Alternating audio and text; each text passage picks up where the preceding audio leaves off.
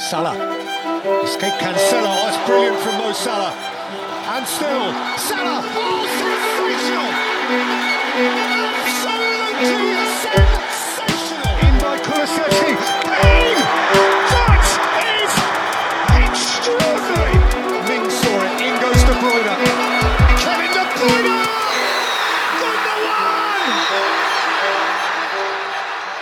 Hej allihopa och välkommen tillbaka till FBL ikväll. Jag och Gustav är tillbaka mitt i en rafflande omgång 33 som egentligen inte är slut när vi spelar in det här utan det är ju en del matcher kvar. Ehm, så vi vet egentligen inte riktigt hur omgång 33 har gått än, men eh, ja, vi kan ju ändå höra. Eh, Gustav, hur känns det mitt i omgången i alla fall? Det känns ju inte jättebra om man ska vara helt ärlig. Haaland gör ju jobbet såklart som kapten. Eh, det hade man ju räknat med och får ju betalt där som väntat. I övrigt så tror jag att jag har en return så här långt. Det är Solly March med en assist. Eh, Annars är det ju blanks rakt igenom. Eh, Bänkade Kepa, eller det önskar jag att jag hade gjort. Jag startade Kepa och eh, bänkade Raja istället. Eh, Sen har jag en del, jag tror det är fyra spelare kvar till spel idag så vi får se vad det landar på men det är ju ändå tydliga röda pilar nu och jag har ju svårt att tro att det skulle kunna vändas ikväll.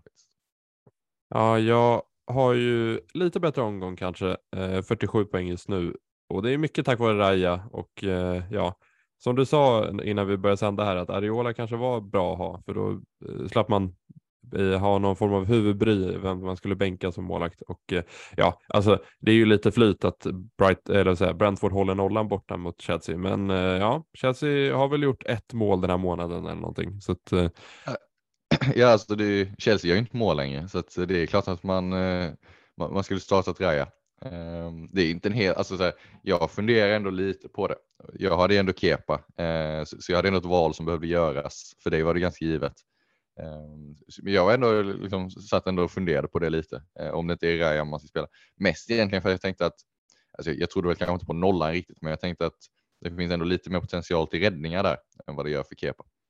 Ehm, men jag landade någonstans i att eh, kollar man på oddsen så var Chelsea mer troliga att hålla nollan och eh, hemmamatchen helt enkelt. Då. Eh, så, så det blev Kepa för mig och det är klart att, att tappa åtta poäng på det är inte, det är inte jättekul i en sån här omgång som, där det är väldigt, det är väldigt låga scorer generellt så åtta poäng gör ju en jäkla skillnad. Ja, verkligen. Och jag kan ju få riktigt snuskiga poäng. Eh, kanske om Kär inte spelar idag för att eh, jag har Rico Henry som tredje bänk som kan komma in. Få en dubbel Brentford nolla bortom mot Chelsea. Det hade varit lite eh, för mycket nästan känner jag.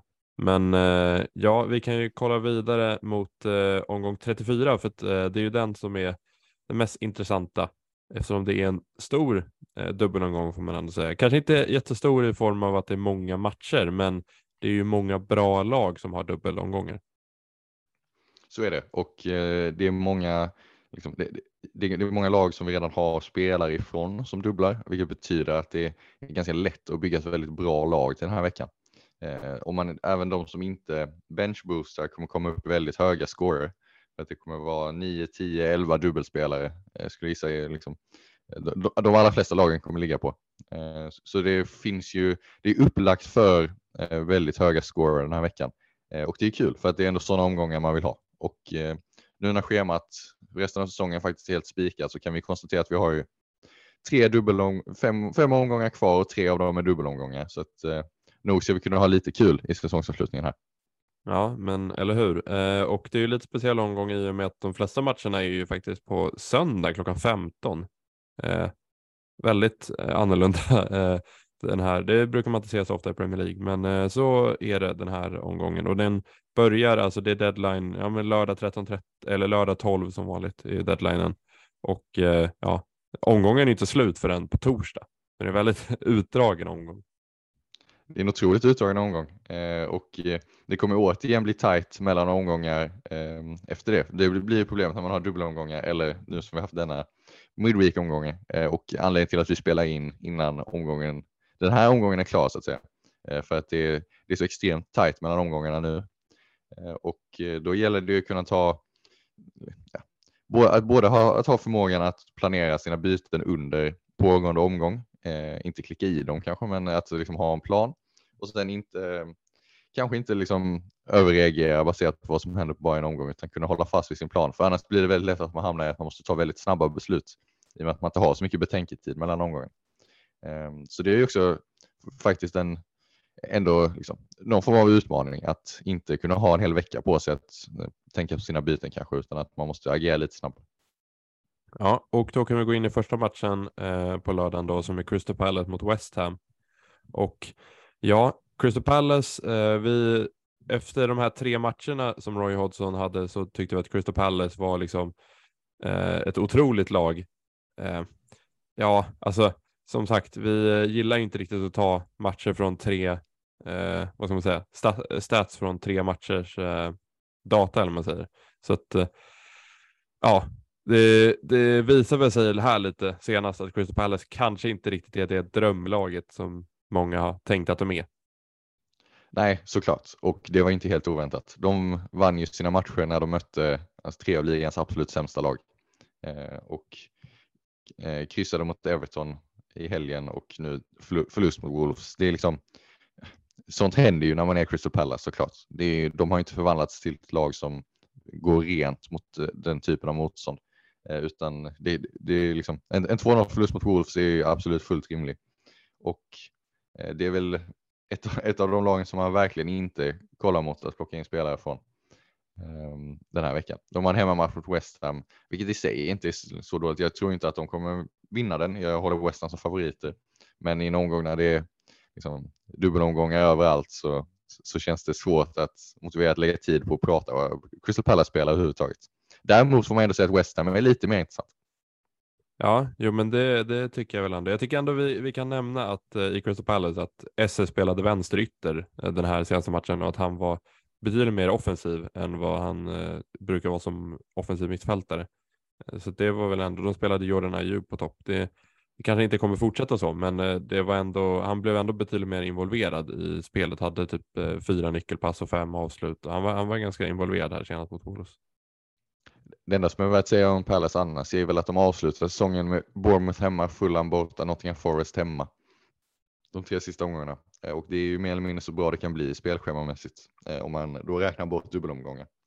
Ehm, problemet då är väl att om de liksom, har sitt kontrakt klart eh, redan inför de tre så liksom, känns det som ett lag som kan svaja lite i prestationerna mot kanske bottenlag som har allt att spela för och måste försöka rädda, rädda nytt kontrakt. Um, men om man bara kollar på spelschemat så, så skulle det faktiskt kunna bli intressant med Palace spelare sista tre. Uh, ja, men som du säger, West Ham är ju kanske lite mer intressanta eftersom de har en dubbelomgång den här veckan med Crystal Palace borta och Manchester City borta.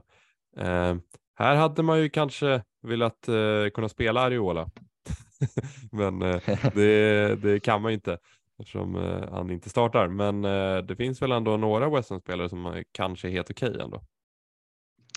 Ja, men, eh, om man letar billiga backar så Zuma till exempel Kofall är ju väl nere på 4,0 sånt nu eh, och ska starta som högerback. Eh, så det är väl en sån, för alla som drar free hit denna veckan så är väl Kofall perfekt att ha först på bänken. Eh, jättebillig men alltså, och förmodligen kommer jag inte behöva honom i och med att det ska mycket till för att en dubbelspelare missar båda matcherna i en startelva. Då. Ehm, men liksom, fall ifall det behövs så har man en billig, billig spelare för på bänken men ändå liksom, som kan komma in och bidra med lite poäng. Um, och jag tycker att det är, letar man efter en spelare för att frigöra pengar och man måste då hitta de eh, pengarna genom back, byten i backlinjen så är inte Kofall helt fel. För att eh, du får en startande ytterback i West Ham för väldigt lite pengar. Ja, jag tycker att det är lite svårt att hitta offensiva spelare i West Ham. Det är, Antonio har ju spelat senaste matcherna, men han spelar ju oftast mindre än eh, 70 och sen så har du Bowen som är, ja han är helt okej okay, men han är ju inte superinvolverad Bowen, inte alls som förra säsongen. Och Benrama, han är lite lika så. Paketa kom inte heller upp riktigt i banan. Jag vet inte riktigt vem jag ska välja om jag ska välja någon från West Ham offensiv i den här dubbelomgången. Alltså, jag räknar med att eh, Antonio kommer snubbla in ett mål mot City, reducera till 4-1 i, i 80 och eh, spräcka Ederson-nollan eftersom Ederson är, verkar inkapabel att hålla nollan. Eh, och eh, jag kan ju bara se framför mig att Antonio liksom, får den bollen att studsa in och spräcka Ederson-nollan. Jag tycker inte, alltså jag hade önskat att det varit ett eh, liksom, eh, rimligare alternativ. Eh, jag tycker att, precis som du säger, speltiden gör det svårt att motivera att gå för honom. Eh, det blir svårt. Eh, men eh, man har ju ändå ganska positiva minnen av Michael Antonio i dubbelomgångar sedan tidigare säsongen. Så jag tycker att det hade varit roligt om han varit ett riktigt alternativ. Och ska sägas att om man, om man sitter i en position där man verkligen måste chansa, alltså det är inte helt fel att gå på honom denna veckan. Hoppas att det blir något mål i alla fall. Och sen ändå, om, liksom det bygger på att man har ett byte till Isak inplanerat sen kanske. För att man ändå vet att en av mina anfallare måste bli Isak framöver. Då kan jag lika bra gamla på Antonio denna veckan. Jag tycker inte det är helt fel, men man måste ju då vara i en position där man verkligen behöver jaga. Annars hade jag inte rekommenderat den risken. Nej, och eh, ja, vi kan ju nämna också att Paketa har gjort tre mål och två ass de senaste tre matcherna i All Competitions, men det är ingen som jag kollar mot i alla fall. Eh, han kan vi nog alltså, det finns ju så många mittfältare. Det finns ja. ju så många mittfältare eh, som man vill ha och då är det, det, är svårt att lägga en av de platserna på en West Ham mittfältare, tyvärr. Jag håller helt med. Brentford mot Nottingham Forest är det nästa match och ja, det här hade ju varit en väldigt, väldigt bra match att spela Raya i eller Rico Henry eller någon så här om det inte hade varit för att många andra har dubbelomgångar just den här omgången. Nottingham Forest hemma är egentligen så bra du kan få för en försvarare i en omgång. Så är det. Jag ehm, startar ju Raya just nu ehm, för Kepa såklart. Ehm, men jag, jag har varit lite inne på om man ska göra bytet Raya till Edson. Jag har haft det liksom som, eh, som ett alternativ som jag har jobbat med i planerna de senaste veckorna. Att det kanske blir denna veckan som man, som man kliver över till Ederson. Men alltså nu när vi är här till gång 34, jag är lite tveksam till det. Dels för att jag har andra byten som jag kommer göra, prioritera före och det skulle i sådana fall betyda att Raja till Ederson är en minus fyra. Eh, och det kanske man hade velat göra om Raja hade haft liksom, en, en tuff match om man hade åkt till Old Trafford eller om det varit någon sån lite svårare match. Men att byta ut en mål, när det är fem omgångar kvar, byta ut en målvakt för minus fyra som har Nottingham Forest hemma. Jag är ändå lite tveksam till det. Ja, man lockas ju av dubbelomgångarna för att ja, Rajas spelschema framöver är ju sådär måste vi ändå säga med Liverpool borta i 35an och sen eh, West Ham hemma och sen Spurs borta och sen eh, Manchester City hemma de sista matcherna. Ederson ser ju klart bättre och kan ha två dubbelomgångar, men som du säger, det kanske är lite mycket att ta en minus fyra för honom, speciellt med tanke på att ja, City får ett skott på mål och de släpper in det. Alltså, det är ändå, vi är ändå i lite olika sitsar där för att jag har ju Kepa som min andra målvakt och förutsatt att han bara får behålla sin plats. Det är inte helt givet, men om han får fortsätta starta så är ju Chelsea spelschema efter omgång 34.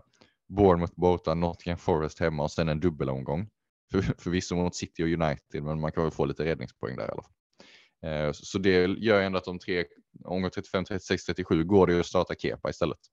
Eh, och komma undan med att bänka Raja då så man slipper dem. Det tuffa spelschemat. Du har ju egentligen bara Raja som målvakt. Och då hade jag nog varit lite mer lockad faktiskt att eh, kliva över på Ederson. Um, men, alltså, det, det har ju inte gått så bra med Ederson generellt den här säsongen. De har ju hittat ett sätt att släppa in väldigt onödiga mål, City. Uh, men liksom, rimligtvis borde de, sett hur överlägset bra försvaret är, så förstår jag inte riktigt var, var alla de insläppta målen kommer ifrån.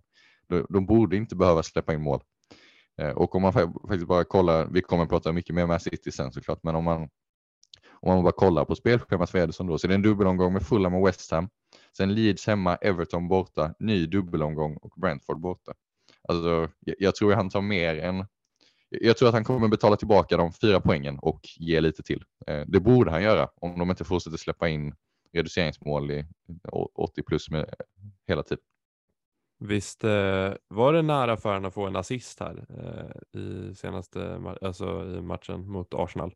Eh, jag tror att det Hålands friläge som han fick var Ederson som sparkade upp den, men det hade ju kunnat varit någonting. Han, han, han, har ju en assistfot ändå Ederson. Han gjorde väl en assist eh, i, i någon dubbelomgång tidigare den här säsongen som, in, som han inte fick av spelet. Eh, som var lite eh, liksom, som man förtjänade egentligen. Ehm, så det är klart att det är ju men, men, kanske mer mot de bättre lagen som står lite högre. Eh, jag har svårt att se att han ska få dra de långbollarna mot Fulham eller West Ham faktiskt. Ja, det är väldigt sant. Eh, ja, och Nottingham Forest är väl ingen som eh, riktigt kollar mot just nu. Eh, ändå lite spännande Gibbs White på straffar. Den, eh, jag, måste jag, jag undrar hur lång tid det skulle ta innan du nämnde det faktiskt. Ja. Uh, ja, han hade, Nej, men, hade, hade, varit bra alternativ kanske om det hade varit något bra schema här. Men, Nu är det inte det. Kan ju bara liksom bolla upp att sist, sista omgången eh, så möter Nottingham Forest då ett förmodligen utcheckat Crystal Palace. Oj, oj, oj. Ska han in i laget då? Ja, kanske. Får se. Om man tar straffar så vet man aldrig. Uh, men uh, ja, vi behöver inte prata så mycket mer om Nottingham Forest, men uh, Brighton Wolves går vi vidare till och Brighton, ja, såg väl lite trötta ut va? Mot Forest, får man ändå säga, efter 120 minuter mot United. Det gjorde de och det var ju precis som du säger, eh, går ju att dra en ganska direkt koppling till att de spelar 120 minuter i helgen. Eh, jag tror ju att det ska vara lugnt nu till gång 34. De borde liksom kunna studsa tillbaka efter den. Eh, har ju två hemmamatcher här. Eh, Wolves och Manchester United. Så det är ändå en liksom, offensivt i alla fall en, en helt okej dubbel. Jag tror att Brighton kan göra mål i båda de matcherna eh, och det är klart Wolves hemma är en bra match även defensivt. Dock så är väl grejen med, med Brighton att de allra flesta redan har tre Brighton-spelare. I och med att de har haft dubbelomgångar tidigare och man har då liksom fyllt på. Och de har ju fortfarande, det är fortfarande det laget som har flest matcher kvar att spela. De har ju tre dubbelomgångar eh, som kommer här. Eh, så har man tre så sitter man ju kvar på de tre man har. Eh, jag tycker inte att det finns någon anledning att byta egentligen. Ehm, men har man inte tre så tycker jag att man ska försöka få in tre i och med att det är tre dubbelomgångar som kommer. Eh, och eh, Brighton är ett bra lag eh, när de inte har behövt spela 120 minuter precis innan, precis innan Premier League-matcher. Men, men vilken, här, vilka tre hade du gått för? Säg att man drar här, säg att man drar free hit den här veckan då. Hur många Brighton-spelare hittar in där? Uh, ja, där hade det nog varit tre ändå. Alltså, Mitoma March, alltså det är tråkigt att säga Mitoma March Estopinian. Alltså Estopinian har inte gjort någon glad sen man bytte in han. Alltså det känns ju inte som att han hållit en nolla. Jag vet inte. Hur känner du? Nej, och så denna omgången är Stil går rädda straff dessutom, så de som sitter på honom får väl 10 poäng där. Um, och så, nej, det, det håller jag med om. Estopinian har varit en besvikelse faktiskt. Han har ju kommit till en del lägen uh, och varit ganska nära poäng i en del lägen. Men det är klart att det, det, det får man inga poäng för. Uh, utan det är ju de, de faktiska poängen som räknas såklart. Uh, och där har han ju varit en besvikelse så här långt. Men, men jag litar väl ändå någonstans på att hans offensiva förmågor ska betalas i slutändan. Eh, på free hit hade jag också haft med honom Eh, man skulle ju kanske kunna ändå liksom hävda att det finns en liten rotationsrisk i och med att det är så extremt tätt spelschema framöver. Eh, för Brighton tre dubbelomgångar, de ska spela fler matcher än något annat Premier League-lag. Eh, det är inte omöjligt att Estopian får vila en match i alla fall eh, och att då i sådana fall på längre sikt är, är Dunk som är, som är det bästa alternativet i defensiven som ju kommer spela varje match. Ja, jo, men det beror ju på om man vill eh, värdera Estopinians offensiva hot jämfört med Danks eh, speltid. Det är ju hur mycket man tror att Estopinian spelar de här kommande omgångarna. Eh, men eh, anfallsmässigt tycker jag Mitoma och March är ganska givna nästan i eh, de två. Alltså, nu spelade ju McAllister en lite mer sittande roll senast. Eh, hade väl ändå liksom, dubbelt så mycket XG som March i den matchen. Eh, så han hade ju fortfarande bäst underliggande siffror av alla Brighton-mittfältare. Eh, och tar straffarna. Så jag tycker inte att det är liksom, man ska inte bara räkna bort McAllister så, utan han har ju faktiskt visat att han kommer till lägen även från en lite djupare position. Eh, så har man McAllister så tycker jag inte att man ska liksom få panik av att han just nu har flyttats ner lite i banan. Ehm, utan det är klart att det är, det är, för, är en försämring för honom som FBL-alternativ. Eh, men jag tycker inte att den är så stor att man ska liksom fundera på att göra bytet eh, McAllister till Mitoma eller McAllister till March till exempel. Utan då, då tycker jag bara man behåller dem man har. Ja, och eh, i uh, Wolves är väl ingen man uh, kollar på direkt. Uh, inte jag i alla fall. Jag tycker att uh, vi kan gå vidare och då går vi vidare till, ja vilken match har vi sen? Vi har, uh, vi se. Det är, ja just det, Bournemouth Leeds. Ja. Exakt, Bournemouth Leeds. Och här är väl egentligen bara en enda spelare för de två lagen som man ser i några lag överhuvudtaget och det är ju Solanke. Eh, och eh, jag tycker inte att det är en så dålig match det här för honom. Eh, Leeds hemma är ju till och med en bra match. Och för de som letar, alltså det, det kommer vara populärt den här veckan att göra rokaden Kane till en billig anfallare för att sen få in Salah på mittfältet jag tycker inte alls det är fel att gå på Solanke i sådana fall som den, den billiga anfallaren. Om man behöver en spelare som man ska kunna starta i alla fall. Eh, för att eh, Leeds hemma ja, det är ingen dubbelomgång så det är inte, det är inte perfekt, men det är absolut en, en match där Solanke kan göra två mål. Ja, men så är det ju. Och vi pratade ju här om veckan om eh, billiga anfallare och där kan vi nog räkna bort Eduardo nu eh, från den och att Solanke är ganska mycket bättre val. Ja, nej men det har jag, har väl tyckt hela tiden egentligen Solanke är Eh, det, det tydliga första valet i den priskategorin och eh, den platsen har han väl ändå cementerat. Ehm, så, men samtidigt, man måste dock vara medveten om, jag kommer ju inte plocka in Solanke även fast jag säljer Kane denna veckan, utan det mesta talar för att jag kommer gå hela vägen ner till eh, 4,0 och faktiskt plocka in en leadspelare. Sam Greenwood. Ehm, det är väl ingen jag hade tänkt skulle få en enda minut i min startelva under resten av den här säsongen, utan han ska få värma den tredje bänkplatsen helt enkelt. Um, och det hänger på helt enkelt att jag redan har en startelva. Alltså jag hade kunnat gå på Solanke absolut, men då hade jag ställts inför ett val. Ska jag bänka Solanke eller ska jag bänka Trippier hemma mot Southampton? Och då, då, då tar jag hellre de extra en och en halv miljonen och eh, liksom, går ner till det billigaste möjliga. Så det är också en avvägning man får göra, eh, vilken roll eh, liksom, man tänker att de spelare man plockar in ska ha. Eh, men om man behöver spelare som, som ska bidra med minuter i en startelva så tycker jag Solanke är ett väldigt bra val. Det känns för nästan lite skönt nu när vi har haft spelare som har levererat på ens bänk i många omgångar att plocka in en Greenwood som kommer stå där med noll poäng i alla fall varje match. Det känns nästan lite befriande att slippa se ja, poängen det, på bänken. Absolut. Sen kommer man ju ändå, eh, det är många som kommer inse att de kommande veckorna kommer på första och andra bänkplats i alla fall. Eh, se, där, där kommer sitta en hel del ganska bra spelare. Eh, I och med att det är dubbelomgångar och sånt som kommer så kommer man behöva bänka liksom, bra singelspelare. Så kommer man ha Trent på bänken till exempel i omgång 36 eller omgång 37 någonstans där. Ehm, trots att han ändå har en rätt okej okay match för att det är liksom sådana val man kommer behöva göra. Om hela hans backlinje spelar dubbelt så blir det så. Ehm, så att eh, nej, absolut. Det, det, är skönt att ha en spelare på tredje, tredje bänkplats som inte gör någonting, men vi kommer se fortsatt höga bänkscorer framöver. Ja, och eh, vi går vidare till fulla Manchester City och eh, ja, Manchester, Manchester City har ju en dubbelomgång den här veckan som är i form av Fulham borta och West Ham hemma.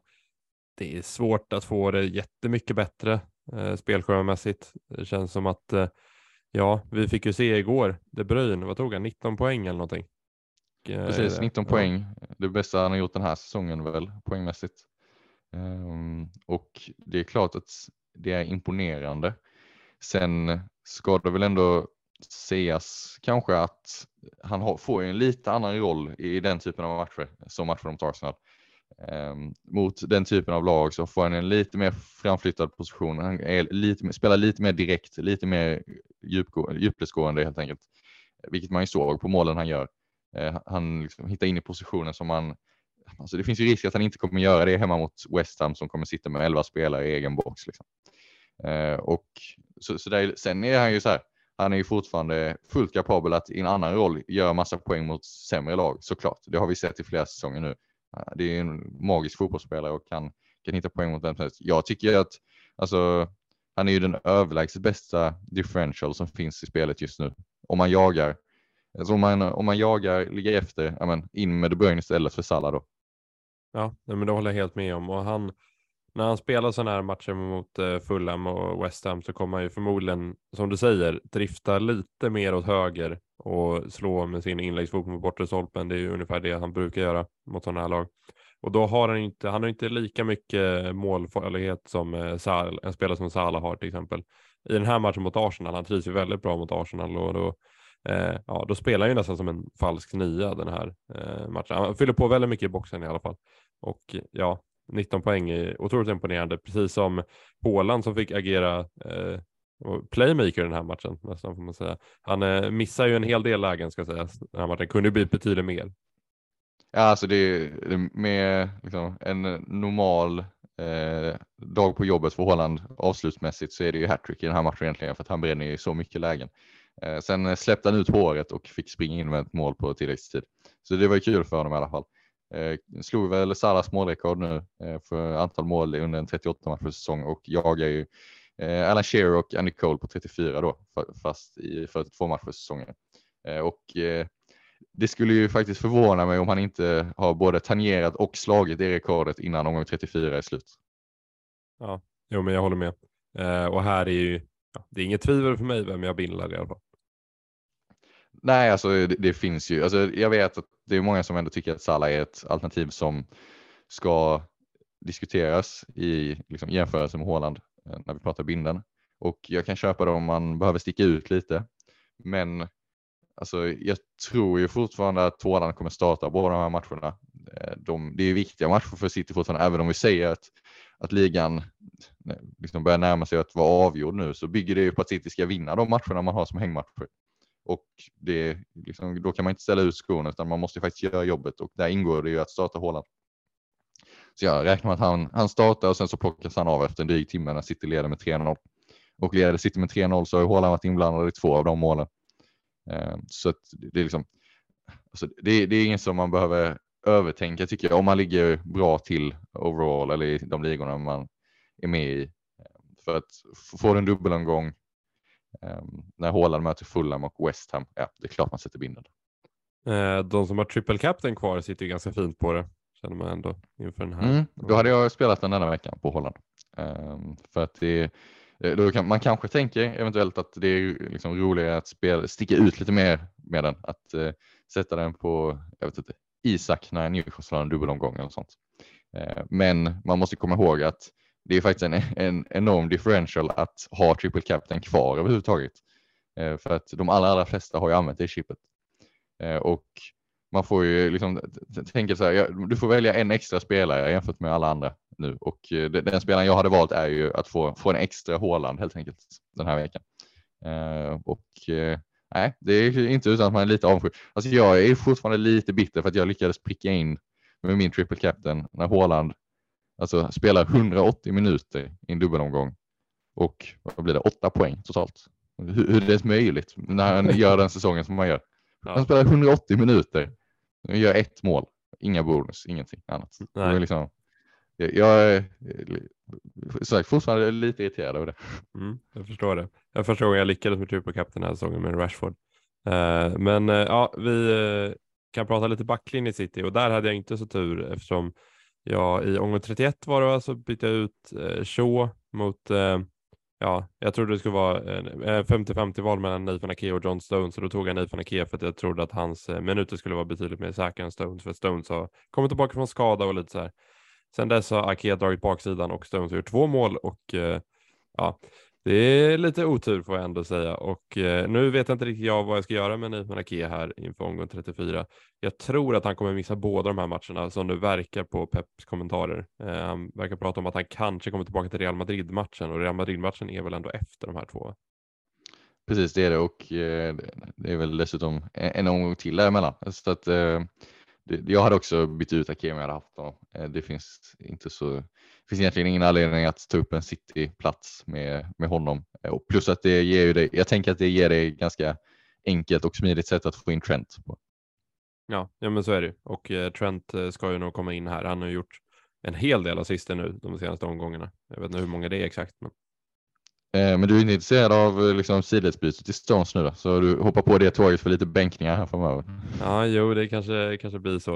Eh, nej, men Stones, alltså jag gillar ju Stones. Det, jag bollade upp Stones i den här nya rollen som man har och alltså, ja, två mål sedan dess. Det är ju, det är ju lite, eh, vad ska man säga, överprestation, men ändå, han gör ju ändå bra. Ja, men Cityförsvaret generellt är ju, alltså det kommer ju vara Cityförsvaret som, som spelar båda matcherna eh, i den här dubbelomgången. Eh, det är väl kanske troligare att de roterar lite i Leeds hemma i gång 35 som ligger innan, innan Champions League-semin. Ehm, men jag står ändå fast vid att Ederson är det bästa valet i City-defensiven överlag. Eh, för att du vet att han spelar 90 minuter varje match. Eh, och framför allt kanske för att det finns inte så många andra målvakter som man vill ha. Alltså det är många som sitter på Raya och Kepa. Det är väl de två vanligaste målvakterna egentligen. Och Eh, det är ingen av dem som, som liksom lockar särskilt mycket inför slutet av säsongen här nu. Utan jag tror inte att det kommer att bli så där extremt många poäng på dem. Ehm, Medan backlinjen så finns det ju ganska många bra alternativ. Du har Trent, du har Trippier, du har, ja, det är många som sitter på två Newcastle, du har Estopinian eh, och lite andra spelare som spelar dubbelt framöver, Shaw, ehm, som man kommer vilja få in i elvan. Och då tycker jag att det enklaste sättet att täcka City defensiven är att göra målvaktsbytet och plocka in Ederson. Ja, men det kan man eh, köpa ändå för att City roterar ju lite i backlinjen. Det ska ju sägas att eh, av alla Citybackar så är väl ändå Ruben Diaz den mest givna. Han har ju spelat mycket nu senaste. Absolut, det skulle jag ändå säga. Eh, det är många raka matcher som han startat nu. Eh, och han, han, kostar väl 6 miljoner dock, ska sägas. Så han är rätt dyr.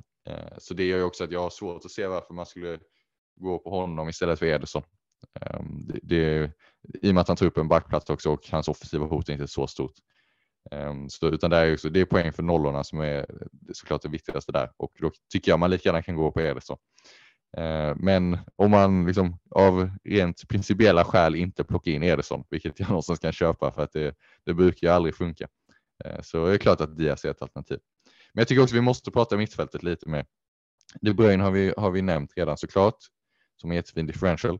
Hur, eh, hur ställer du dig till Grealish, Mares, Foden, Gindogan, speltiden på dem den här veckan? Eh, ja, bra fråga. Alltså, jag tycker att Grealish är väl den enda som jag skulle lita på spelmässigt, den här, eh, alltså minutmässigt, den här dubbelgången. Och ja, som man, som man har varit lite orolig för egentligen hela den här säsongen med Grealish, att han, han är inte jätteinvolverad. Alltså det såg vi mot Arsenal igår. Uh, han är inte superinvolverad i matchen. Han hade ju några matcher här på senare som han var ganska bra i och kom in lite från kanten, men jag är fortfarande lite orolig hur många FPL-poäng han kommer göra. Alltså. Ja, alltså det är klart att den, den risken finns samtidigt så han spelar ju ändå fram några bra lägen. Han har ju en, en han spelar fram Håland som sen drar en liten Eh, en liten rush och dunkar skottet precis utanför i första halvlek som ju ska bli mål. Eh, så han har ju assistpotential och jag tänker att hans roll är också lite annorlunda mot Fulham och eh, West Ham. Han kommer utmana mer en mot en och pressa på mot lågt stående försvar mer än vad, den, liksom, mer än vad han kunde göra mot Arsenal. Ehm, så jag är ändå, alltså så här, mitt mittfält och jag misstänker ganska många andras mittfält Eh, består just nu av Rashford, Bruno, två Brighton-mittfältare och Grealish. Eh, och det är ju inte, om man verkligen vill ha in Salah då, så är det ju inte helt lätt vem man ska sälja. Om, om det är så att Bruno eh, inte är redo för omgång 34, det är ju oklart eh, vid inspelningstillfälle så är det ju liksom enkelt att sälja honom om han inte är redo. Men om han är helt fit for fight, alltså. Det skulle kunna bli så att det är Grealish som ryker. Eh, det, det känns inte alls bra för att spelschemat som vi har pratat om är ju kanon för City. Alltså det, det kan inte bli mycket bättre. Eh, och man vill ju Alltså, det, det, det, känns tråkigt att gå in i alla de här matcherna med bara Håland i City-offensiven. Utan man vill ju ha någon spelare till man kan hoppas på på poäng framåt. Så det är väl det som, som jag inte är så nöjd med om man skulle behöva släppa Grealish. Eh, men, och jag har verkligen inget emot honom, för jag tycker att han är den bästa eh, Citymittfältaren, eh, City-mittfältaren förutom De Bruyne. Ehm, men bara baserat på att det finns det finns fem mittfältsplatser och det finns sex mittfältare jag väldigt gärna vill ha. Så kommer kom ju någon av de fem jag har behöva rika och det finns en risk att det blir Grealish. Finns det en liten risk att han, eh, alltså hans minuter minskar nu när Foden är tillbaka? Alltså jag tänker Foden, Bernardo Silva, Mares. Kommer han starta exakt alla matcher eh, nu fram till slutet? Det, alltså man vet ju att Salah kommer starta i princip allt. Eh, alltså, det... Alla matcher kommer han inte starta Grealish. Det har jag svårt att se. Men jag tror ändå, givet hur viktig han är för Citys spel så tror jag ju att Pep liksom, så mycket som möjligt kommer vilja ha honom på plan. Och jag tror att Foden snarare konkurrerar på högerkanten, vilket gör att jag inte rekommenderar Mares till någon egentligen. Um, för att det är, det är så svårt att veta vem som startar på högerkanten. Finns Mares, Mares finns där, Foden finns där och Bernardo finns där. Um, men så det är ju så här, såklart kommer Grealish sitta, sitta bänk i någon av matcherna som är kvar. Men jag tror ändå han kommer starta mer eller mindre varje match. Och att få en City mittfältare som ska starta de allra flesta matcherna när spelschemat är så här bra med två dubbelomgångar och ha honom redan i laget så känns det väldigt, väldigt konstigt att släppa honom nu. Ja men exakt, det är svårt att veta vad man ska göra med Grealish och framförallt vem man ska byta ut mot eh, Salah om man har de här fem mittfältarna som du säger med Bruno, Rashford om nu Bruno är frisk, eh, March, Mitoma och Grealish. Jag har ju lite skönare. Jag känner att Saka är ganska lätt byte till eh, eh, Salah. Ja, men det är ganska givet. Det är inget man behöver fundera så där jättelänge på heller. Um, och eh, då, då, några kanske hävdar att eh, liksom, har man ett så bra mittfält, varför ska man då flytta en av dem uh, för att få in Salah? Och det ju, kan jag ju köpa faktiskt att man tänker så.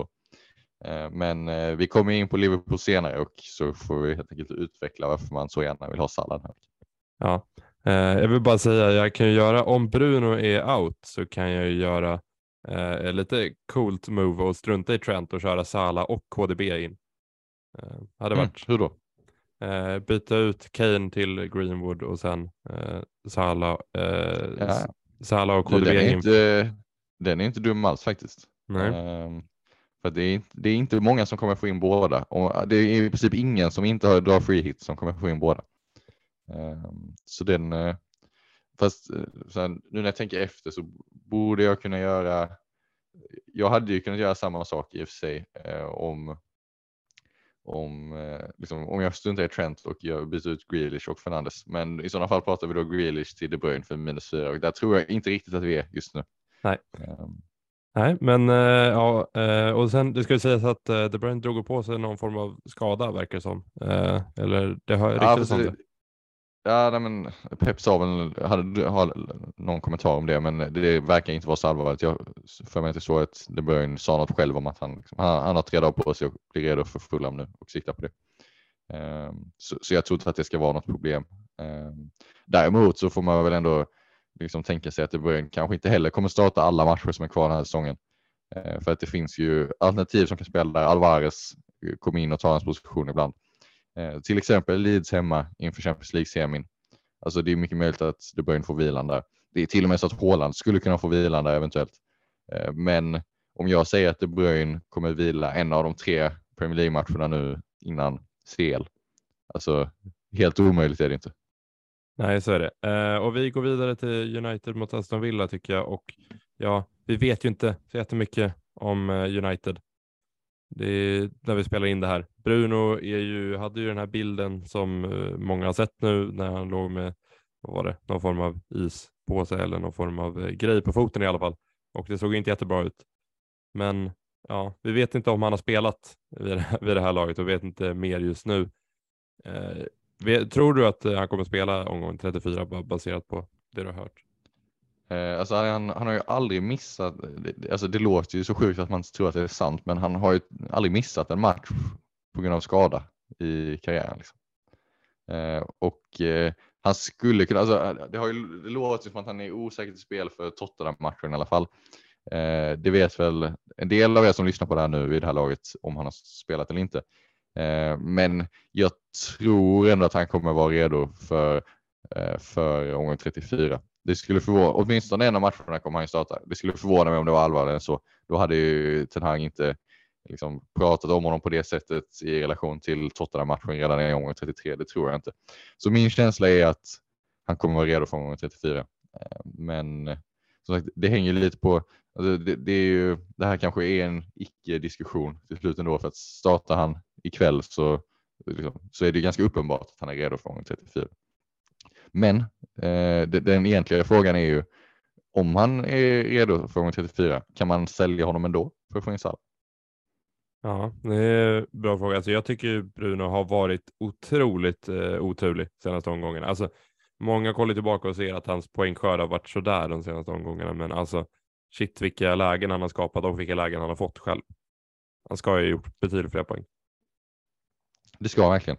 Eh, och han har ju kommit till både skapat lägen för andra och tagit skott själv. Eh, det var väl Nottingham Forest-matchen när Navas gjorde eh, liksom en hel rad väldigt fina räddningar på egentligen bara Bruno skott och släppte in eh, det, det mesta i övriga. Men ja, alltså han kostar 10 miljoner så att man vill ha någon form av leverans ändå. Ehm, hur, hur känner du inför liksom spelschemat den här dubben? För den, alltså Aston Villa hemma och Brighton borta det är inte, det är inte världens bästa dubbelomgång. Nej, så är det ju och det var ju därför jag bytte ut Shaw i omgång 31 för att jag tyckte att alltså, dubbelomgången är sådär. Alltså, Eh, man får ju tänka att Aston Villa är ju ett på nytt fött Aston Villa under Emery. De är ju, ser ju riktigt, riktigt bra ut, framförallt stabila bakåt. De släpper ju inte in någonting känns som. Eh, men eh, Brighton däremot går det ju att få håll på. Eh, det vet vi som Estupinian-ägare och ja, jag tycker väl att det är en helt okej okay dubbelomgång, men det är verkligen inte mer än så. Alltså Aston Villa och Brighton är två väldigt, väldigt bra lag. Det är ju långt ifrån eh, Citys dubbel med eh, West Ham och Fulham. Alltså, så jag, jag, tycker, jag håller med dig, men jag, jag, jag tycker egentligen att liksom det främsta argumentet för att behålla Bruno är ju vad som kommer efter dubbelomgången egentligen. Eller dels såklart att det är en dubbelomgång nu och han kan göra poäng i den. Men sen är det West Ham, Wolves, ny dubbelomgång och den gången mot Bournemouth och Chelsea omgång 37. Eh, det är ju två lag som, som båda är sämre än Aston Villa och Brighton just nu. Eh, och sen avslutar man hemma mot Fulham. Så spelschemat är ju faktiskt väldigt bra hela vägen in eh, till målgång här. Och just liksom, ska jag välja mellan Grealish och Bruno för omgång 34 bara så hade jag tagit Grealish. Jag tycker att liksom, spelschemat är så pass mycket bättre för City i just omgång 34 att det väger över. Men härifrån till och med omgång 38, ja, då tror jag faktiskt att Bruno tar fler poäng än vad Grealish uh, Ja, och så kan vi kolla lite i backlinjen United. Är det någon som du kollar mot där? Är det Shaw eller alltså jag har ju Shaw. Eller? Ja, du har Shaw. Jag, jag har ju Shaw, så att, eh, jag kommer behålla honom och starta honom eh, såklart. Skönt att han är tillbaka från skada, eh, så att det verkar ändå som att han är, både han och Rashford är redo. Eh, men jag är inte alls så optimistisk. Jag tror inte, faktiskt inte att United kommer hålla nollan i någon av de här matcherna. Eh, jag ser ju framför mig både att, att Villa gör mål. Det är väl den matchen som de skulle kunna hålla nollan i. Att det blir 0-0 eller 1-0. Det, det, skulle kunna bli en tight match. Eh, men Brighton borta har jag liksom inga förhoppningar om, om en håller nolla. Eh, och det vill jag väl knappt ha heller i och med att jag har eh, trippelt Brighton. Um, men så just i den här omgången så liksom har jag inga förhoppningar på Shaw direkt.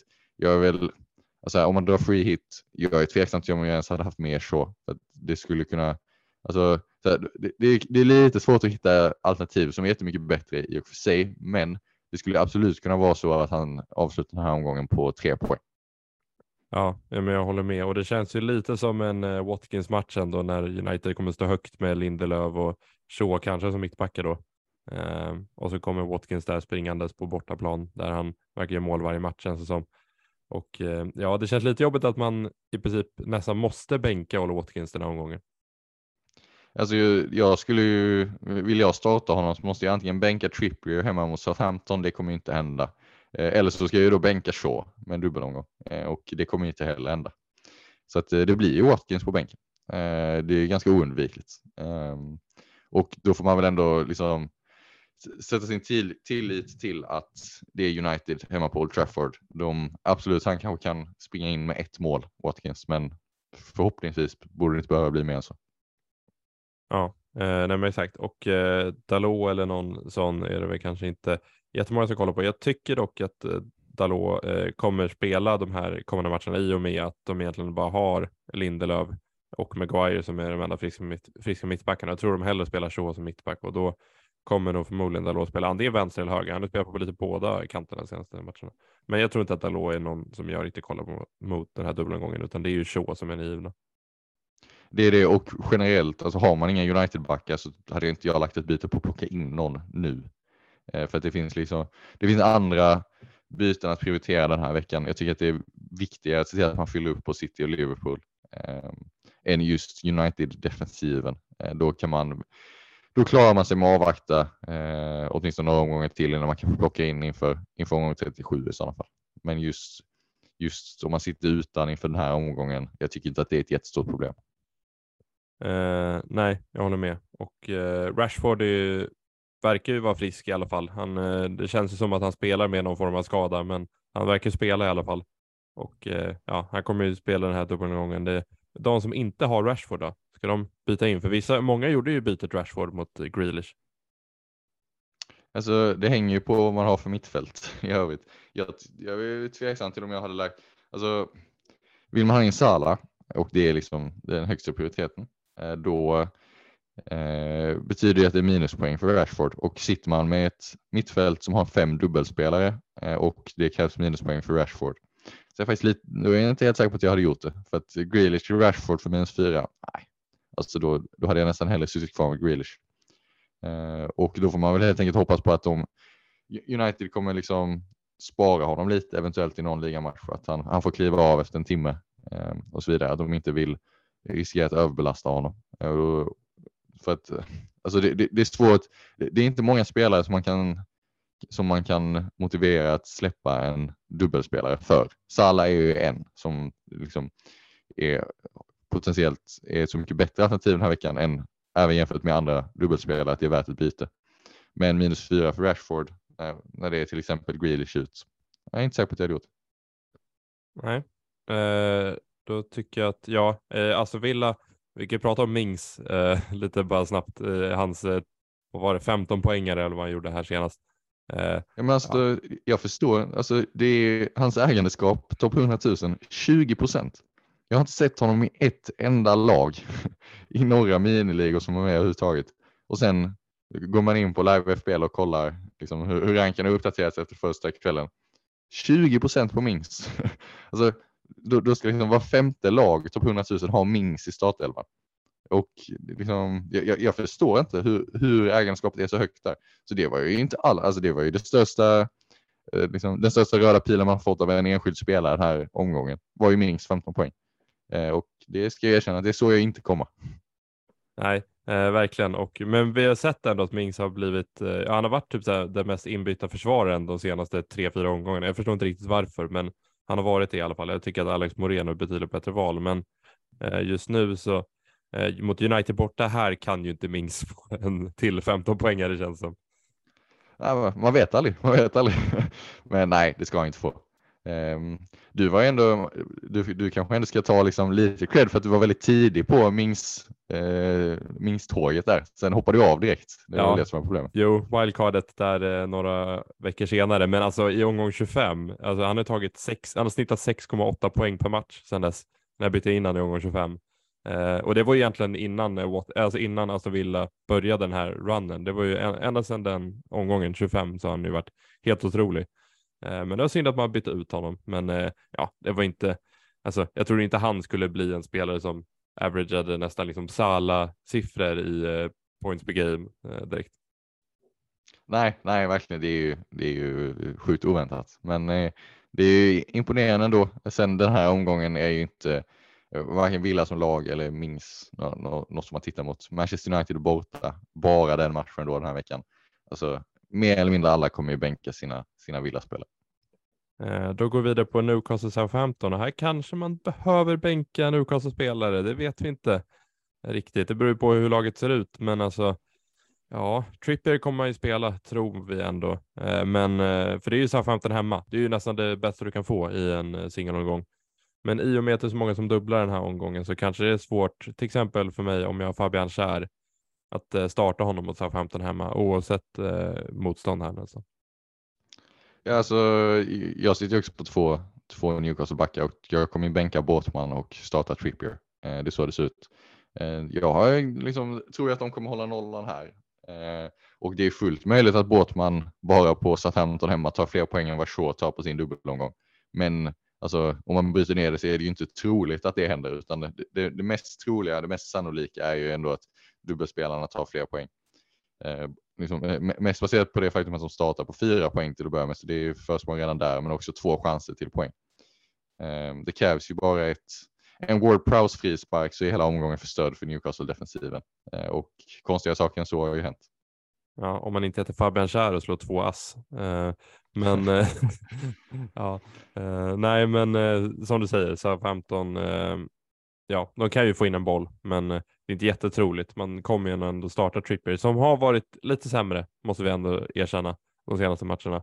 Men det spelar nog ingen roll, man kommer ändå starta han här ändå i och med att alltså, det han har ju varit sämre. Han har ju varit sämre jämfört med en extremt hög nivå som han höll under hösten och vintern.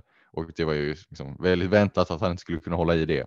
Sen är det ju absolut, alltså om man bara kollar de senaste tio matcherna så är det ju ingen försvarare som man vill betala 6 miljoner för egentligen. För att eh, leveransen har inte varit särskilt bra. Eh, men alltså, jag, jag, tror att de hade hållit nollan mot Tottenham senast om de, liksom, om, om de inte hade lett med 5-0. hade det stått 2-0 där så tror jag inte att de hade släppt in det målet.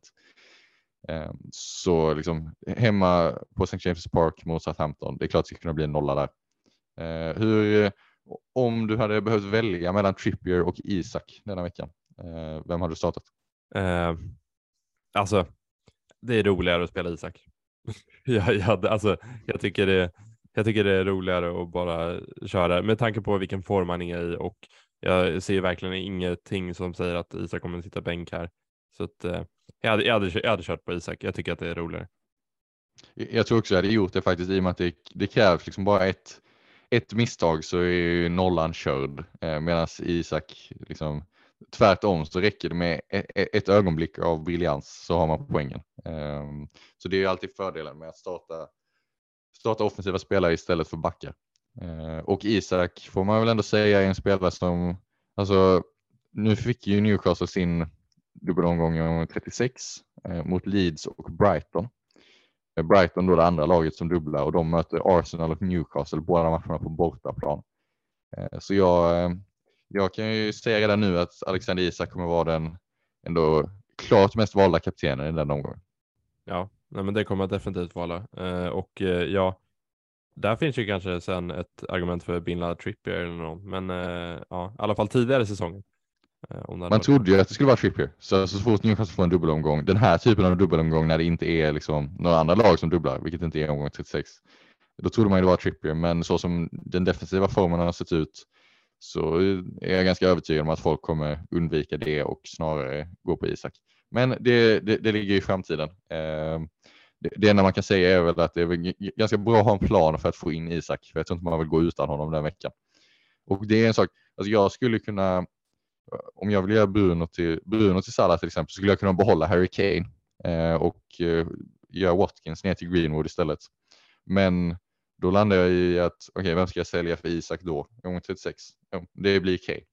Så ska jag då liksom göra den koden bara för att få behålla Kane mot Liverpool och sen en match till i omgång 35 eh, som är mot Crystal Palace. Nej, då är det lika bra att sälja Kane redan nu. Eh, så det är liksom det, det är snarare det, det, det perspektiv man får ha inför den här omgången, att man ändå får liksom, ha någon form av plan för hur Isak ska in framöver. Ja, vi kan ju gå in på Kane, eh, för de möter ju Liverpool här eh, 17.30 på söndagen. Och eh, ja, jag, just nu har jag Kane, men jag kommer ju nog med stor sannolikhet släppa honom, för jag möter ju ett Liverpool eh, borta här eh, i en singelomgång. Och eh, ja, det känns som att man kanske kan använda sina eh, resurser bättre och spela med några mittfältare, till exempel De Bruyne eller Salah. Alltså det är ju inget, eh, liksom, det är inte Keynes fel egentligen att han blir såld. Det är liksom, han har ju levererat på en, väldigt bra nivå hela den här säsongen och kommer ju fortsätta göra mål. Alltså han har inte gjort sitt sista mål utan det är liksom på de omgångarna som är kvar så är klart han kan göra tre, fyra mål. Ehm, men han är väldigt dyr och eh, när, det, när liksom schemat eh, har blivit som det blivit och dubbelomgångarna har fallit som de har gjort så kan inte jag i alla fall motivera att man ska lägga så pass mycket pengar på Harry Kane. Eh, vilket i sådana fall blockerar en. Det hade blockerat mig från Salah i alla fall i de flesta fallen. Eh, då tycker jag att det valet är väldigt enkelt att göra. Ja, nej men jag, jag håller med. Jag känner att Kane behöver nog gå den här omgången och eh, ja, det är väl eh, lite läskigt, men eh, ja, Liverpool på hemmaplan har varit helt okej okay defensivt i alla fall. Nu senast hade man inte Konate utan man hade ju Matip istället och de eh, ja, gjorde ändå helt okej mot West Ham. Men, eh, och jag, bara för att vara lite sidospår här, men jag, jag kollade upp eh, hur mycket Matip kostade i FPL, 5,9. Eh, inte, inte någon man direkt eh, kollar mot direkt. Det var ju sjukt faktiskt. Eh, men det var, han gjorde det ganska bra förra våren väl? Eh, och då när han kostade typ 5,0 och sånt och sen höjde de hans pris med en miljon efter det ungefär. Sen har han ju inte spelat så mycket i år så att eh, det, priset har bara stått stilla mer eller mindre. Men eh, ja, det var ju sjukt ändå. Nej, det är ingen spelare man tittar mot direkt. Eh, däremot Liverpool som lag eh, så, så är man ju desto mer sugen på att investera. Eh, Sala, om vi börjar där. Alltså, nu var han ju inte inblandad i mycket alls mot West Ham i omgång 33. Och det är klart att det är inget bra tecken egentligen. Men eh, både Liverpool som lag och Salah eh, liksom, personligen har mycket, mycket bättre siffror på hemmaplan. Eh, de underliggande siffrorna för Salah är typ dubbelt så bra på hemmaplan som de är på bortaplan och bara lyssna på den här dubbelomgången. Tottenham hemma, Fulham hemma. Också med lilla tillägget att det följs av ytterligare en hemmamatch mot Brentford. Alltså nu, Fulham hemma, det är ju alla överens om att det är en väldigt, väldigt fin match att ha. Men även Tottenham hemma. Alltså, vi såg ju hur det gick för Tottenham när de åkte till Newcastle och jag tror väl inte att Liverpool kommer göra sex mål direkt, men eh, det är ju fullt möjligt att de gör tre. Ja, nej, men du hade mig redan där på Tottenham hemma. Det, du kunde slutat där nästan kände eh, med tanke på ja, hur de ser ja, ut. Ja, det är där vi är nu. Men eh, nej, så, så, jag tycker att det är liksom, hade det inte varit för Håland och att han är så otroligt bra så är ju Salah ett, ett väldigt fint kaptensval. Nu blir det svårt om man inte verkligen behöver sticka ut. Men alltså, det är ju liksom, anledningen till att man ändå är beredd att offra så pass mycket. Vi pratar ju både minuspoäng och att byta ut spelare med dubbelomgångar för att få in Salah. Men alltså, nu, nu, vet jag att folk inte har varit så nöjda med honom den här säsongen, varken FPL eller kanske i här, riktig fotboll så att säga. Men eh, han har ju faktiskt levererat på en väldigt hög nivå. Alltså om man kollar mål och assist som han har bidragit med den här säsongen så är det ju stabilt. Det är ju lite sämre än vad han har gjort de tidigare säsongerna, men det är återigen mest för att man jämför med liksom en extrem nivå av poängleverans. Eh, och även om man har droppat lite så är det fortfarande väldigt bra siffror. De underliggande siffrorna är bra. Eh, jag tänkte liksom, rent rutinmässigt säga att han tar straffarna. Tror vi han tar straffarna? Han har ju missat två veckor. Ja, nej, men jag, jag, tror att han tar det. det. det. känns som att Salah är en spelare som fortsätter ta dem oavsett om han skulle missa tio rad. Ja, nej, jag är benägen att hålla med där, även om de har ju Fabinho till exempel som, som ändå är en straffskytt. Eh, nej, men jag tror också han tar straffarna. Och sen, alltså, det är inte så mycket mer jag känner att man behöver tillägga, utan det är ju faktiskt inte svårare än så än att man har Mohamed Salah i en dubbelomgång mot Tottenham hemma och Fulham hemma. Och jag vill inte sitta utan honom i den dubbelomgången. Nej, det är nästan så att eh, Liverpool får byta in James Milner så fort de får en straff eh, numera. För att, eh, ja, vi kommer ihåg när det var Sala, den här Salah-Milner-debatten. Ja, Milner är ju, han tar straffarna när han är på banan så att då, det är sämre för Salah då. Liksom. Eh, den, den, debatten är över nu. Ja, den, den, tror jag vi slipper. Den tror jag vi slipper. Um, om vi ska prata övriga liksom, offensiva alternativ i Liverpool. Jota till exempel. Jag har ju sett många som är inne på. Mm. Ja, men Jota var ju en, många som bytte in efter den här senaste omgången för att han har gjort många poäng får man verkligen säga. Men ja, jag kände att den bandwagonen var lite, ja, lite överhypad nästan i och med att eh, många trodde att han egentligen skulle vara, inte given, men eh, få starta eh, de här kommande matcherna, säg tre av fyra till exempel. Och vi, vi, vi fick ju se direkt, eh, blev uppe till 59 här senast. Eh, det är ju inte helt givet att han startar båda matcherna här i dubbelomgången, det ska ju sägas. Nej, jag, jag, tror inte han kommer göra det. Eh, jag tror väl i sig att han startar mot Tottenham nu i och med att han klev av efter en timme. Det känns som att det bytet var för att liksom, underlätta för att han ska kunna starta i helgen. Eh, däremot Fulham hemma efter det. Alltså, om han startar så är det ju absolut inte mer än en timme han får. Det har jag väldigt svårt att se och med tanke på hur många alternativ de har. De har Nunez där och nu var det väl Diaz som byttes in dessutom mot West Ham som verkar på väg tillbaka. Eh, så det, det saknas ju inte alternativ. Eh, och ska man då betala 9 miljoner för Jota? Alltså, äh, jag, jag, jag har svårt för det personligen. Eh, ska jag betala 9 miljoner för en spelare så vill jag gärna ha lite mer garanti speltidsmässigt. Ja, det är ju lite av en differential, men eh, jag är inte ett superstort fan. Eh, när vi kollar i backlinjen så är det ju Robertson och Trent som vanligt som det har varit i många år. Som man kollar mot och eh, jag Trent är tillbaka i sin bästa form, får man nästan säga, assistmässigt i alla fall. Eh, han har ju haft eh, otroligt otur ska sägas den här säsongen när det kommer till assist. Han har väl någon sån expected assist typ uppemot sju och gjorde, hade gjort typ två assist eh, innan de här senaste omgångarna där han faktiskt har börjat leverera i riktiga assist. Det är väl fyra ass på de senaste tre matcherna tror jag eh, och har ju levererat poäng trots att Liverpool inte har hållit nollan i någon av dem. Så det är ju det som är grejen med Trent att eh, även om Alltså de gångerna Liverpool håller nollan och han dessutom får utdelning på offensiven så blir det 12 poäng väldigt snabbt. Men även matcherna där Liverpool släpper in mål så finns det liksom, poängpotential i Trent. Det, matchen är inte över för Trent bara för att Liverpool släpper in mål, utan man kan, det finns andra sätt i poäng eh, när man har Trent och det är det som är roligt. Det är en sån spelare man vill ha i sin backlinje egentligen. Alltså man slipper bara förlita sig på de hållna nollorna. Och alltså, vi, vi sa ju tidigare att Salah är bättre på hemmaplan och det gäller ju för, för Liverpools defensiv också. Ehm, de, de, är inte så pass bra att det är någon garanti att de håller nollan.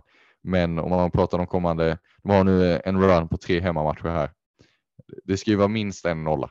Eh, det ska det vara. Och jag hade blivit förvånad om, det, om Trent går igenom de här tre matcherna utan att göra någon assist eller någonting framåt också.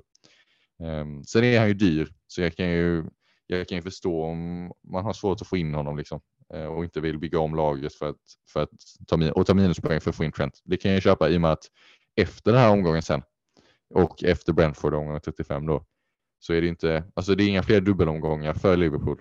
Um, och eh, så här, spelschemat är helt okej, okay, men det, man ser ändå matcher där de skulle kunna släppa in mål i och där det finns andra alternativ som kanske är lite bättre.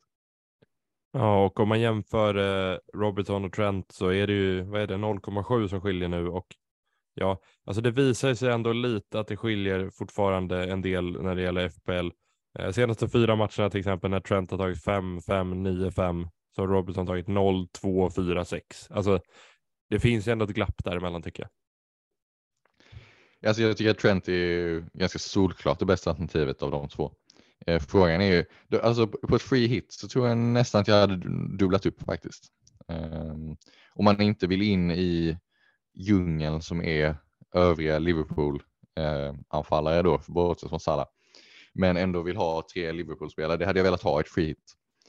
Så tycker jag att det är ganska fint att hitta, hitta liksom, att kunna dubbla upp på Trent Robinson, för det är inte så många som kommer kunna göra det.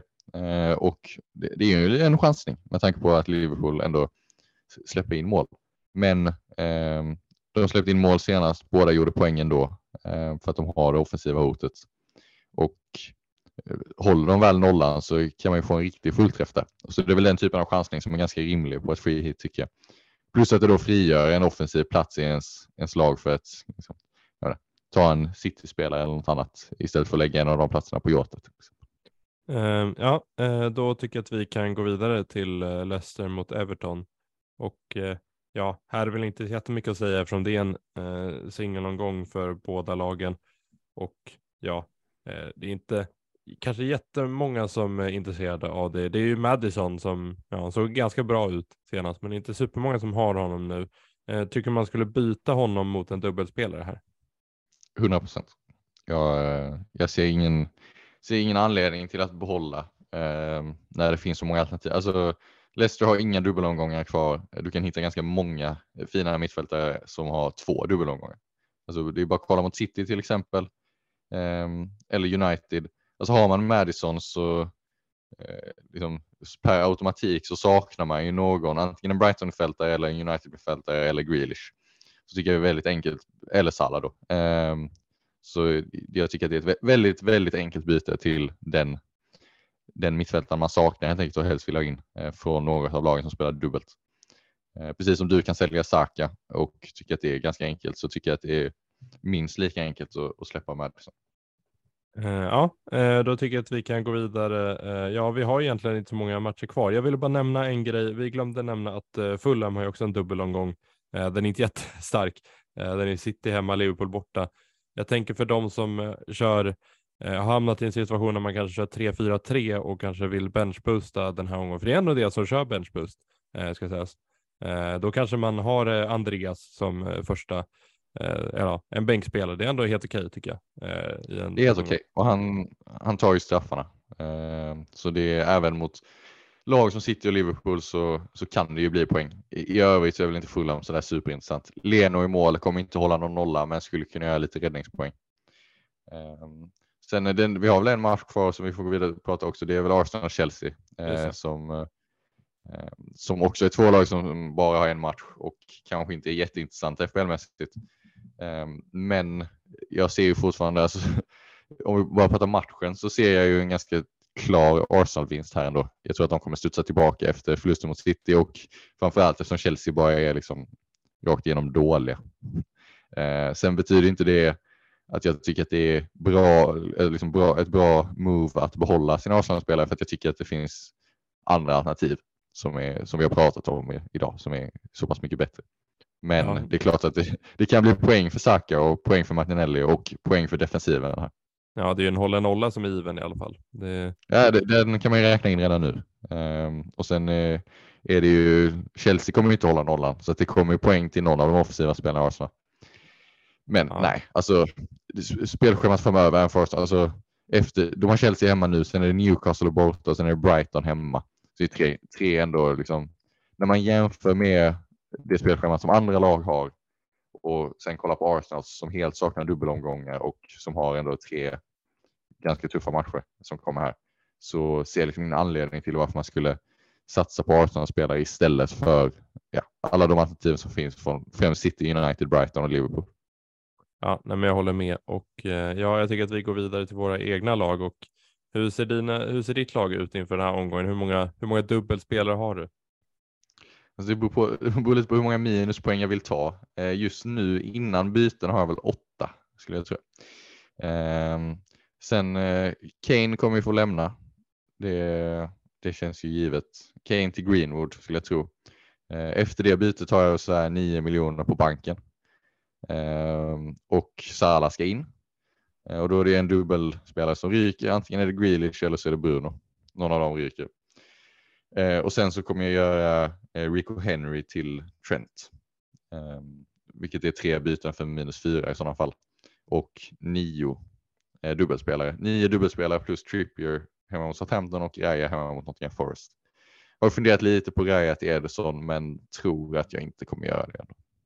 Nej, eh, Raya Ederson är något som jag är, ja, kollar mot som sagt. Vi diskuterade lite tidigare att jag kanske har lite mer argument för att göra det i och med att jag inte sitter på någon andra keeper. Men eh, ja, Ake ska ju bort tyvärr, eh, verkar det som i alla fall. Och jag blev ju väldigt sugen nu på att köra eh, om Bruno, Bruno kanske missar första matchen säger vi mot Aston Villa, då är man ju sugen på att köra KDB och Salah in. Eh, och skippa Trent. Eh, även fast Ja. Trent är väldigt, väldigt bra. Ja, men jag, ja, jag tycker nästan att du, alltså, för du ligger ju ändå, alltså, inte på något sätt i en dålig position, men ändå så lite efter så att du ändå tänker att det, det är lättare att liksom, känna att man kan, kanske är i positionen, man måste, du, behöver- du behöver chansa lite om man säger Mm. så. Och det är väl en vä- väldigt rimlig chansning att gå på De Bruyne istället för Trent. Eh, till och med så att det, det är liksom objektivt bättre också för att det, det är bara det att det inte är så många som sitter i den positionen att man kan göra det. Så att, eh, det är ju faktiskt en väldigt fin differential att ha. Eh, men som du säger, det hänger väl på att Bruno ska vara out i sådana fall. Om Bruno är fullt redo så, så känns det ju lite svårt att, att släppa honom eh, och, och strunta i Trent. Nej, men det håller jag med om. Eh, så ja, vi får se helt enkelt. Det är ju svårt för oss att spekulera nu i vårt omgång 34-lag i och med att det är inte alla matcher som har spelats i omgång 33. Och det är ju framförallt den United-matchen som man kommer kolla extra på. Det kanske händer något, säger Rashford skadar sig eller något sånt där. Vi vet ju inte. Nej, det, det, är väldigt sant. Oavsett så kan vi konstatera att minuspoäng kommer det bli. Minst minus fyra för, för väldigt många. Det känns som det här är en omgång där minuspoängen kommer flyga eh, lite höger och vänster. För att det är, det är stora rockader som ska göras och det är pengar som ska flyttas från anfallet till mittfält och försvar. Och det kräver ju tre, byten. Liksom. Eh, Ja. Och eh, vill man dessutom göra något mer så är man ju, det, tickar upp på minus åtta ganska snabbt. Ja, men så är det ju. Och jag tycker det är helt rätt också. Alltså, du ska ju dra minuspoäng i en sån här omgång. Precis, och du, kan ju, du får ju dessutom möjligheten att kanske justera laget inför de sista fem omgångarna här nu där man vet att man vill ha en annorlunda balans på laget än vad man har just nu. Ehm, för de som liksom tittar mot att byta in United-spelare eller, eller City-spelare, Brighton-spelare då, så kommer det ju mycket fler dubbelomgångar framöver och spelare som du ändå kommer vilja ha framöver. Så det är lika bra att, lika bra att plocka in dem direkt helt enkelt. Eh, så jag håller med dig, det, det är ju väldigt, väldigt logiskt att dra minuspoäng den här veckan. Ehm, jag tror att det kommer, om det inte betalar av sig redan här omgången så kommer det göra det eh, veckorna framöver. Så att där tycker jag inte att man ska vara rädd för att, att dra minus om det behövs. Nej, eh, det håller jag helt med om och då tycker jag att vi rundar av det här veckans avsnitt och eh, ser fram emot en stor dubbelgång i 34. Eh, vi tackar för oss härifrån. Tack för att ni har lyssnat. Hej då!